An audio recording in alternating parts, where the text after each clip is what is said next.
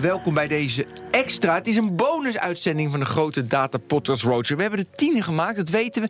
Maar we waren, en dat hebben jullie ook gemerkt... als je ze allemaal hebt geluisterd, doe dat vooral... Want ze waren interessant, hadden veel te vertellen. Dus we dachten, we moeten er nog twee maken. Dus deze week gaat het over e-commerce. En uh, zoals jullie weten, hij wordt mogelijk gemaakt door Microsoft. Omdat ook Microsoft vindt de GDPR net zo belangrijk als jij en ik en wij allemaal. Dus, uh, en vandaag in deze bonusuitzending gaan we het hebben over e-commerce. En uh, dus hoe kunnen webshops hoe kunnen, we, hoe kunnen ze optimaal omzetten behalen zonder onze privacy noodloos te schaden? En ook hoe maken ze transacties veilig? En uh, wat is de e-privacy verordening die nog niet gaat gelden? Die komt later, maar die hebben we dus ook mee te maken. En dat bespreek ik natuurlijk zoals altijd met twee fantastische gasten. De eerste is Walter Cenk Willink, hij is directeur van Traffic Builders. Welkom. Dankjewel. Uh, wat doet Traffic Builders? Wij zijn een uh, full funnel digital marketing agency. Dus dat betekent dat we eigenlijk uh, praktisch alle fasen van het koopproces van de consument of van je doelgroep kunnen afdekken met geschikte ja. marketingkanalen. Ja, mooi. En ook Vincent, Vincent Romviel, jurist bij thuiswinkel.org. Welkom. Nou, dat kennen we natuurlijk allemaal. Want is, zijn alle webwinkels inmiddels GDPR-proof? Nee, nog niet alle webwinkels zijn GDPR-proof. Hoe kan dat? Nee, dat is een goede vraag. Ze weten natuurlijk al twee jaar dat die wetgeving eraan zit te komen, maar ze zijn nog niet allemaal GDPR-proof. Nou, zou ik gelijk eentje. Ik bestel altijd mijn, uh, mijn, uh, mijn hondenvoer bij medpads.nl. En niks negatiefs over matchpets.nl, want ze doen dat heel goed. Alleen, ik vroeg, weet je, gisteren, uh, welke data hebben jullie over mij? Gewoon op ja. per mail. En toen, en binnen 24 uur, wordt er, ge, uh, wordt er gereageerd. Dan zeiden ze, wat wilt u precies weten? Ik zeg, nou alles, want ik wil weten wat jullie over mij weten. Nu heb ik nog geen reactie. Is dat een stomme vraag, een rare vraag? naar mijn idee niet. Maar wat... Nee, dat is zeker geen rare vraag, Ben. Dat is zelfs jouw recht als consument om te weten wel ja. wat voor gegevens zij van jou hebben. Maar ik zou altijd wel de wedervraag stellen van, nou, wie bent u als webwinkel? Want ik weet natuurlijk niet dat degene achter het mailadres waar jij mee mailt, of jij dat wel daadwerkelijk bent. Internet is wel ver gezakt. Dat is lastig, ja, dat weet ik dat het zo is. Maar jij bent ook jurist. Ik wil er nog even op doorgaan, Walter. Ik kom zo bij jou, want ik ja, heb ja, ook jou.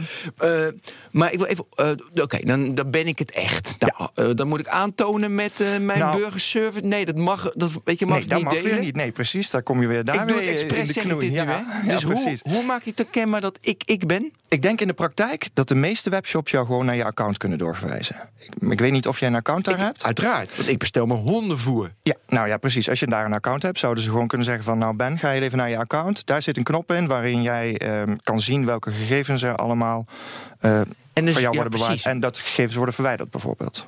Ja, en dan zullen ze niet me meer... Want het is gewoon adresgegevens en mijn bankgegevens. Ik denk uh, nog wel meer. Ja, maar daarom, en wat ik besteld heb. Maar ik ben benieuwd... Wat hebben ze? Hebben ze ergens anders nog gegevens vandaan gehaald? Uh, van een andere partij? Zodat ze weten wat ik heb mijn honden, welke honden ik heb niet ingevuld. Dus willen ze dat. Hebben ze dat ergens ja, een beetje gekoppeld met andere databases, dat ze wel weten wat voor hond ik heb. Ja, ik weet natuurlijk niet hoe zij dat hebben gedaan. Maar, maar dat zou wel zou kunnen dus. Kunnen. Maar Ja. dat mogen ze dus toch niet vanaf 25 mei. Nee, dat, mag, dat mogen ze wel, maar dan alleen met toestemming. Juist, dus, als ze, dus zij mogen, ze moeten mij vragen, mag ik Ja. dan aan derden, de, eh, weet je, mag ik Exact. dat opvragen? Ja. En dan moet ik aan die derde partij, bijvoorbeeld aan eh, dat ik ergens een hondenmand heb gekocht, die, dan moeten ze uitwisselen en dan mag het wel. Ja. En dat is een onwijs mooie brug, hele mooie brug, Wolter, naar jou. Want ik ging eh, nog even funnel, total funnel, Full funnel digital Full marketing. funnel, die vind ik altijd mooie woorden. Nee, ik ging vanmorgen ging ik, uh, naar jullie website om me natuurlijk voor te bereiden. Ja. En dan kreeg ik natuurlijk gelijk een cookiewall. Top. En uh, nou, deze website maakt gebruik van cookies, hartstikke goed. En dan stond erop, um, deze partners kunnen deze gegevens combineren. Oh ja, ja, ja, ja, ja. Wij delen informatie over uw gebruik van onze site met onze partners voor social media, adverteren en analyse. Deze partners kunnen deze gegevens combineren met andere informatie die u aan ze heeft verstrekt. Ver, uh, uh, heeft verstrekt. Mm -hmm. Ik schrok toen gelijk. Dacht ik, wat? Ja. Weet je, nu ga jij mijn. Ja, maar wat voor. Ik, ik was bang toen. Maar toen ging ik naar. Dus, maar dan moet ik natuurlijk ook klikken, anders kom ik ooit niet op jouw site. Dus ik klik ook. Oh ja, dan wilde ik naar, de, naar je hele privacyvoorwaarden. Dus mm -hmm. ik, ik, neem aan dat je GDPR-proof bent, hè? Als het goed is, zijn we GDPR-proof. ja, ja, ja, uiteraard. anders dan uh, sta ik dit interview en dan ga ik gelijk uh, dat fixen. Dat fixen heel goed. En er stond er, de door traffic builders in de privacyvoorwaarden... verzamelde gegevens worden niet aan derden verstrekt. Mm -hmm. Ja, dan ben ik al, als, als ik me dan even opstel als gewone consument... en dit doet een consument al niet, hè... Maar daar ben ik best wel los. Want er staat dus. In, nou, en, nou, ik heb het net verteld. Ja. Hoe, hoe zit dat dan? Nou, even los van de omschrijving dan misschien uh, in deze optiek duidelijker kan. Maar wat ermee wordt bedoeld is dat als je gaat kijken naar de reguliere bezoekersgegevens... dus die wij verzamelen van uh, voor ons anonieme bezoekers...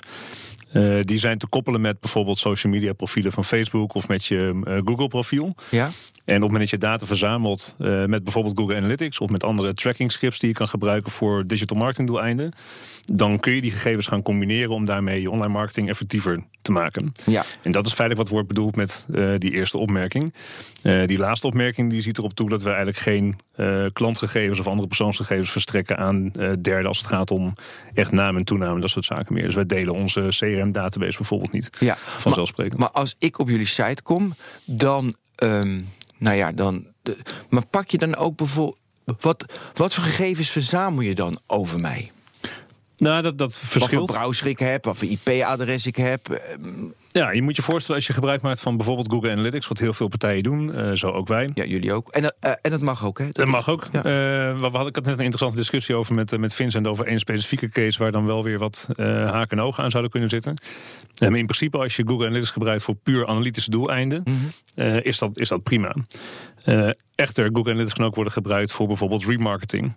En remarketing is een uh, wijze van adverteren waarbij ik gebruik maakt van opgebouwde Re interesseprofielen. Ja, retargeting noemen ze het vroeger. Ja, dus retargeting, het... remarketing, oh, dat is voor ik hetzelfde mee bedoeld. Okay. Ja.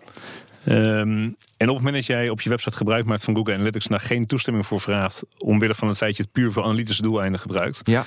en je besluit op een later moment om diezelfde data wel te gaan gebruiken voor retargeting, ja. uh, ben je in feite in strijd met de wet zolang jij voor het gebruik van die data geen toestemming hebt gehad. Ja, maar goed, dat zet je in een vinkje. Toch? Ja, Vincent, je was, eh, toch, dat zet je in een vinkje en dan ben je toch klaar?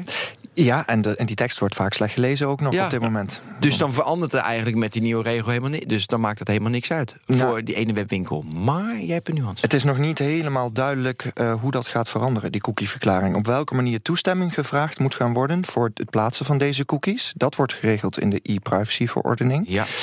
En hoe je dus toestemming verkrijgt voor het plaatsen van die cookies, dat is nog niet helemaal duidelijk. We gaan Ja. daarop even niet op de zaken vooruitlopen. Maar een cookie wall zoals die nu is, die niemand leest en iedereen wegklikt, ja, dat lijkt me voor niemand zinvol. Nee, dus, dus ja, precies. Dus dat zal zeker veranderen, want dit, sla, dit slaat Nee. mij niet, nee, nergens op. Oké, eh, wat zijn voor de webwinkels, eerst aan Vincent, wat zijn echt een valkuilen? Wa- waar zie je van, mm, daar gaan ze de mist in? Wat zijn valkuilen? Nou, voor webwinkels, hè? Ja, ja, ja zeker. Nee, Ja, want we hebben het hier zeker over webwinkels inderdaad. Want het is zo'n breed onderwerp, dus we kunnen het overal over hebben. Nee, Nee, voor webwinkels, nou, ik, ik zeg altijd... het begin is met het in kaart brengen van welke gegevensstromen... van persoonsgegevens er allemaal zijn. Aan wie geef jij die klantgegevens allemaal door? Die geef je door bijvoorbeeld aan je reviewpartij... aan je hostingpartij... eh, aan je vervoerder, aan PostNL bijvoorbeeld... of een andere vervoerder.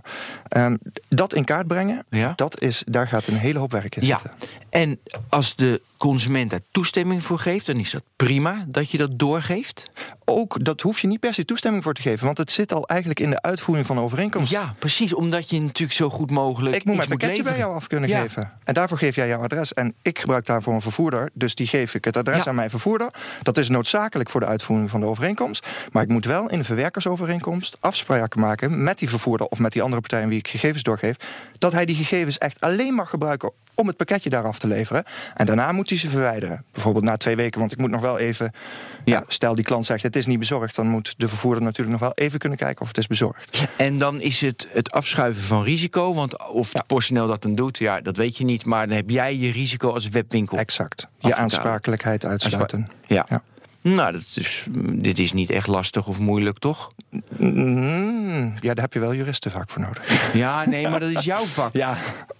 Eh Wolter, wat voor valkuil zie jij in de praktijk? Nou, ik denk dat je op hoofd een onderscheid kan maken tussen twee deelgebieden. Enerzijds uh, alle processen die echt aan de voorzijde van het klanttraject zitten. Dus met name aan de websitekant van de online marketingkant. En anderzijds de processen waar Vincent net over sprak, die meer aan de achterkant van, ja, uh, van de organisatie zitten. Bij de suppliers. Ik denk dat over het algemeen die zaken in, in, het, in de processen en systemen aan de achterzijde moeilijker zijn om te tackelen dan aan de voorkant. Aan de voorkant heb je vaak ook wat minder partijen die bij betrokken zijn.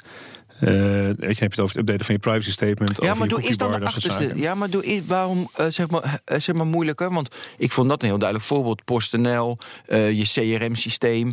En uh, nou ja, er zullen nog een paar, weet je, zeg maar Google Analytics zal het goed doen. Weet je, dus mhm. dat zijn wel, weet je, business oplossingen, software die toch compliant moeten zijn. Dus die zullen het wel regelen. Waarom zie, je, zie jij daar dan problemen? Nou een goed voorbeeld is um, als je aan de voorkant zegt... we maken gebruik van deze deze software om gegevens te verzamelen... en dan doen we dit en dit mee. Ja? Uh, dat is feitelijk een beschrijving die je vrij snel kan maken. Op het moment dat die gegevens in meerdere systemen zitten... of als je een, een data management systeem gebruikt... wat met meerdere uh, technieken aan de achterkant communiceert...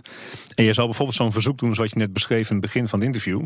Uh, ja, hoe ga je dan als e-commerce partij al die data ophalen?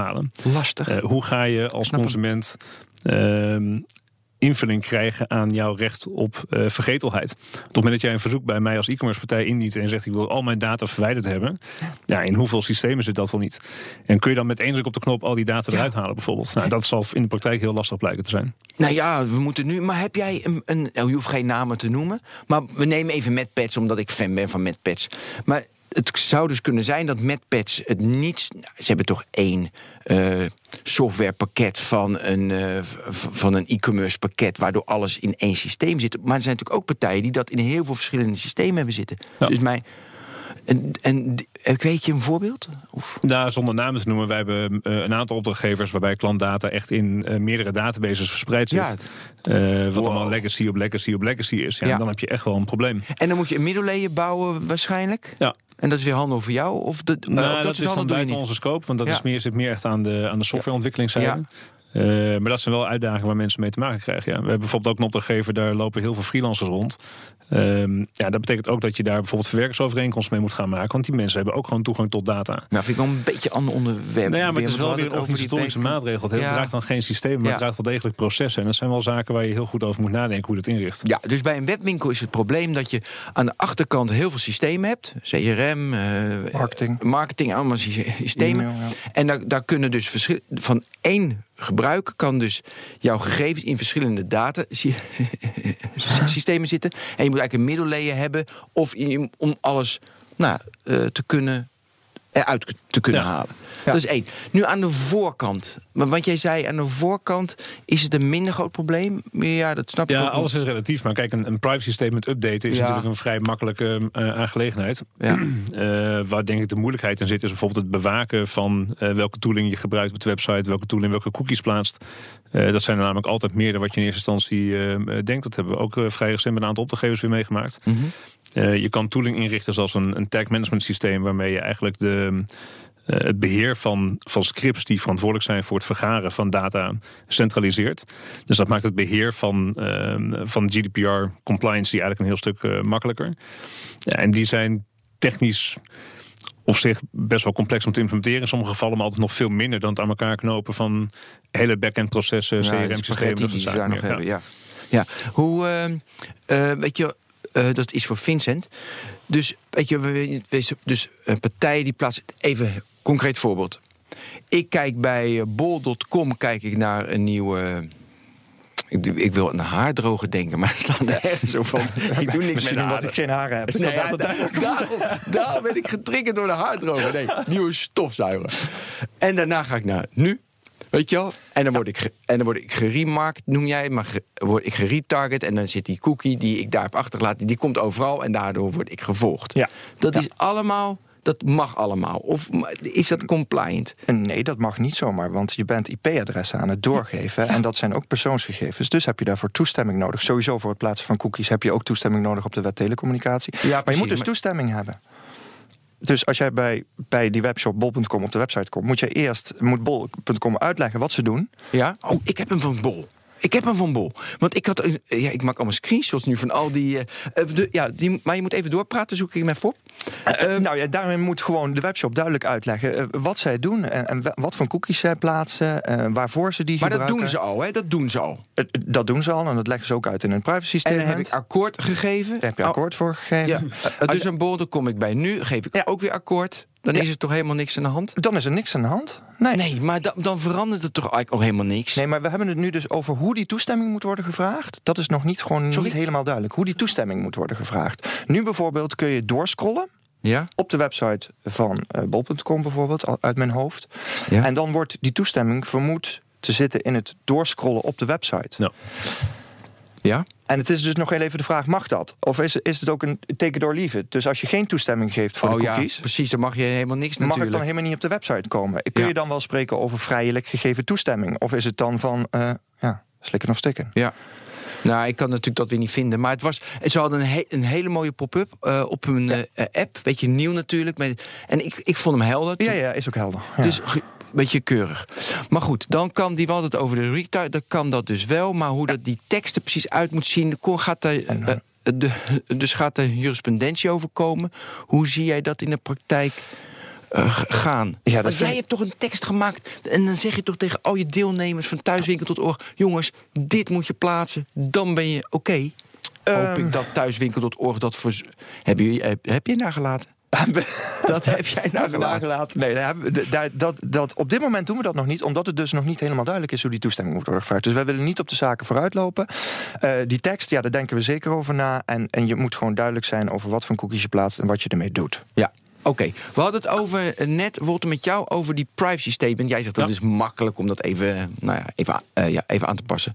Uh, waar moet je op letten? Ik, nou, ik, had net die van jou had ik gelezen. Ik mm -hmm. vond hem echt, en ik ben heel bevooroordeeld. Maar ik vond hem helderder dan ik had verwacht. Nou, dankjewel. Ja, nou, alsjeblieft. Soms moet je ook, soms moet je ook complimenten geven. Maar uh, wat moet je allemaal opnemen daarin? Ja ik, ja, ik kan die van jou voorlezen, maar dat is niet leuk. Nee, kijk, een aantal belangrijke zaken zijn natuurlijk... Uh, welke gegevens verzamel je voor welke doeleinden? Uh, dat, dat, is, dat is een hele belangrijk om, uh, om te doen. Um, wat is de bewaartermijn van die gegevens? Uh, deel je die gegevens met derden, ja of nee? Mm -hmm. Dat zijn denk ik een aantal van de aspecten die, die heel erg belangrijk zijn. Um, welke cookies gebruik je? Ja, dus welke was, tooling was, pas je toe? was ook een interessante. Jij had vijf noodzakelijke cookies. Dan had je voorkeurcookies. Had je statistiek, waren er 17. En je had 24 marketing cookies. Ja. Wow. Ja, we meten heel veel. Als ik alleen maar op jouw website... Dat is wel interessant, hè? Nou, wat allemaal? Zeg maar, waarom 24? Ja, ik weet als ik naar... Ik heb natuurlijk zo... Uh, ik gebruik Ghostery. Waardoor, weet je, ik al die trekkers en al die mm alles blok. Want ik ben helemaal gek van al die gasten die mij, die mij spammen. Maar, en ook, en ik wil niet dat ik getrekt word. Ik word wel getrekt, want ik heb natuurlijk Facebook, ik heb Google. Dus ze weten alles over me. Maar toch probeer ik op mijn manier daar iets aan te doen. Maar uh, met marketing, wat, wat trek je dan allemaal? Want dat is zoveel. Nou, om een simpel voorbeeld te geven, als je gebruik maakt van Google Analytics, dan levert dat natuurlijk al uh, een aantal cookies op. Uh, als je gebruik maakt van een tag management systeem om alle tooling te centraliseren uh, die op je website toepast, levert dat ook vaak alweer cookies op. Ja, leg dat eens uit. Tag, want dat zei je net ook. Maar ik wil ja, een tag manager moet je eigenlijk zien als een gecentraliseerd platform wat fungeert als een soort supercontainer. Dus in plaats van alle afzonderlijke tools in je broncode van je website te plaatsen, die je dus decentraal moet beheren op dat moment. Ja. Uh, zeg je hier van ik plaats ze via een op regels gebaseerde toepassing. Dat is het tag management systeem. Uh, en die regels die zeggen eigenlijk vuur dit cookie alleen maar af als aan die en die regels is voldaan. Ja. En een regel kan bijvoorbeeld zijn in het kader van GDPR dat de toestemming is gegeven voor het gebruik van uh, bepaalde type cookies. Ja.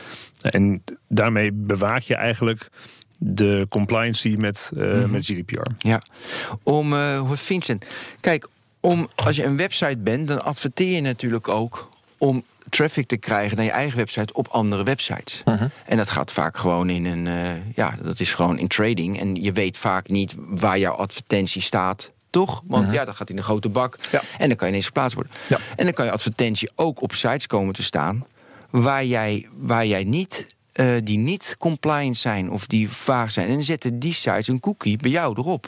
-huh. Toch? Ja, dat zou kunnen. Ja, ja. En dan?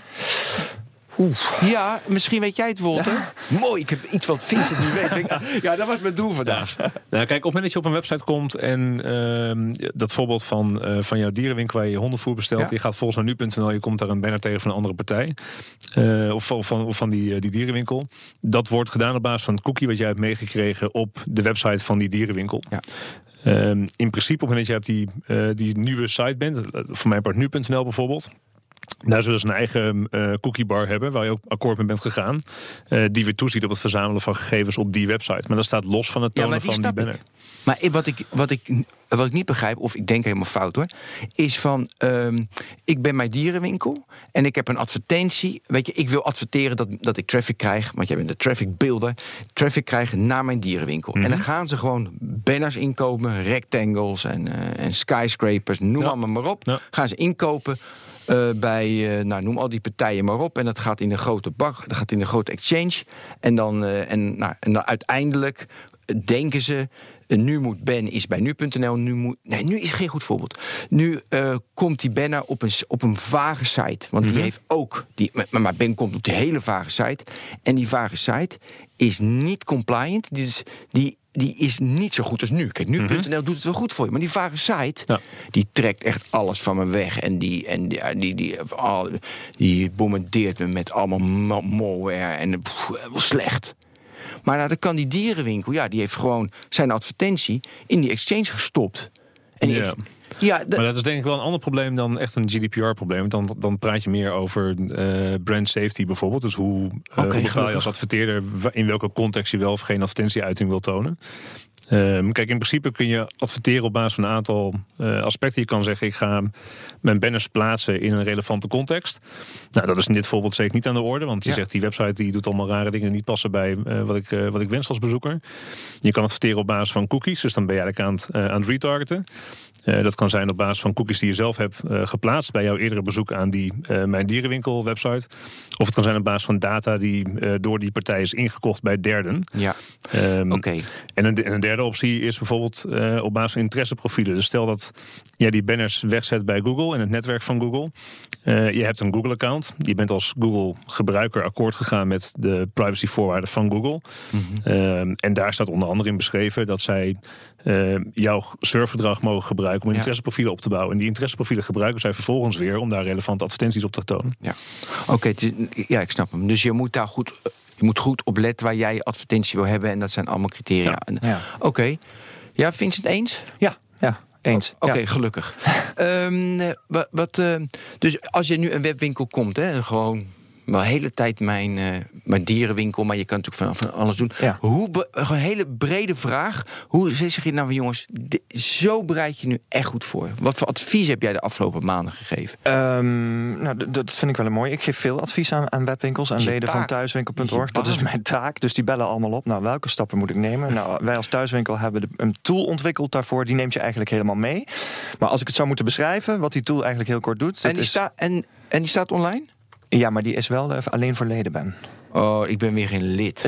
Jij bent geen lid, maar we kunnen wel uh, voor jou een uitzondering nou, maken. van je.